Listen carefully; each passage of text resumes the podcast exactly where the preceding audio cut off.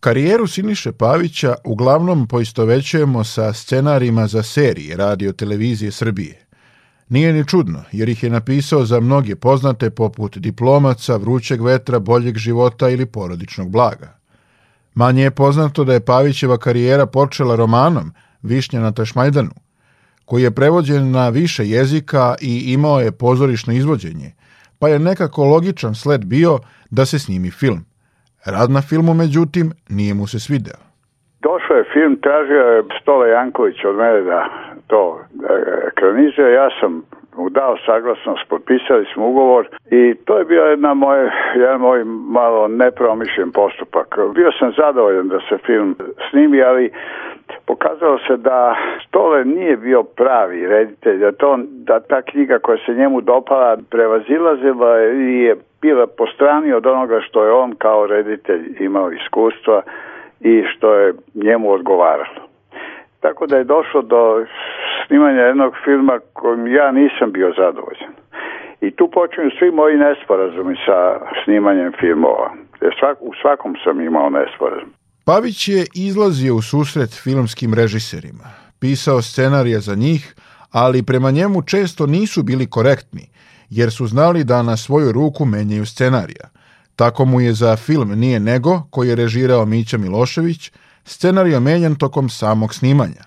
Mada je film Nije nego nagrađen u Puli srebrnom arenom za scenario, Pavić nije pristao da se potpiše kao scenarista.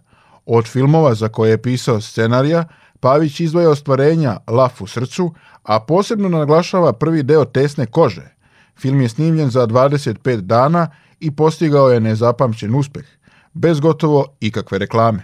I on je zaista imao 505.000 gledalaca samo u Beogradu, imao je u Novom Sadu je gotovo polovina Novog Sada je gledala taj film. To je možda bilo ono što sam ja hteo na filmu. Dakle, e, to je možda i možda je bio i najbolji tekst koji sam napisao za film.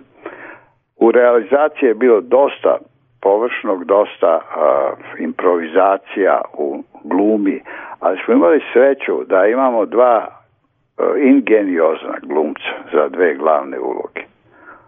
Nikolu Simića i Laneta i to je vuknulo kao veliki hit koji se nikad više nije ponovio. Tesna koža je potom dobila još tri nastavka, više iz komercijalnih nego iz umetničkih razloga, objašnjava Pavić. I priča kako nije želeo da piše scenarije za nastavke, već je davao licence drugim autorima za pisanje tekstova, jer nije želeo da učestvuje u komercijalizaciji čuvenih likova Srećka Šojića i Dimitrija Mite Pantića. Siniši Paviću na filmu nisu poštovali scenarije, ali na televiziji jesu. Od filmskih režisera izuzima jedino Živka Nikolića – sa kojim je radio film Čudo neviđeno. To ostvarenje je samo u bioskopu Jadran pogledalo 110.000 gledalaca, a u Moskvi je nagrađen srebrnom medaljom.